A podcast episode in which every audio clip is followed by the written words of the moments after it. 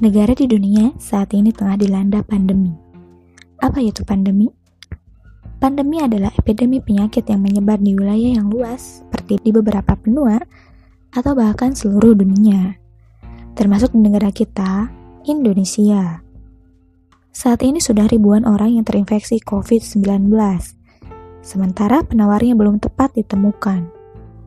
Dampak yang terjadi pun meliputi banyaknya bidang kehidupan seperti krisis ekonomi, PHK, menutup akses publik, dan sebagainya.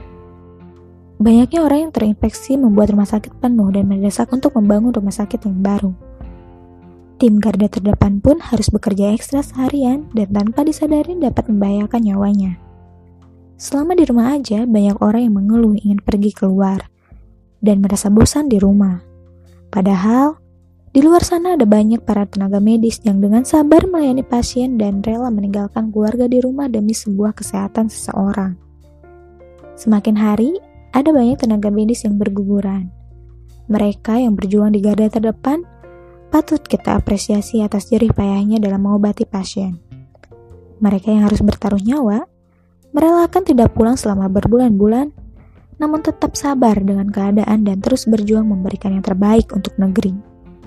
Mari kita hargai pengorbanan para tenaga medis dan mengucapkan beribu terima kasih kepada mereka yang berjuang di garda terdepan.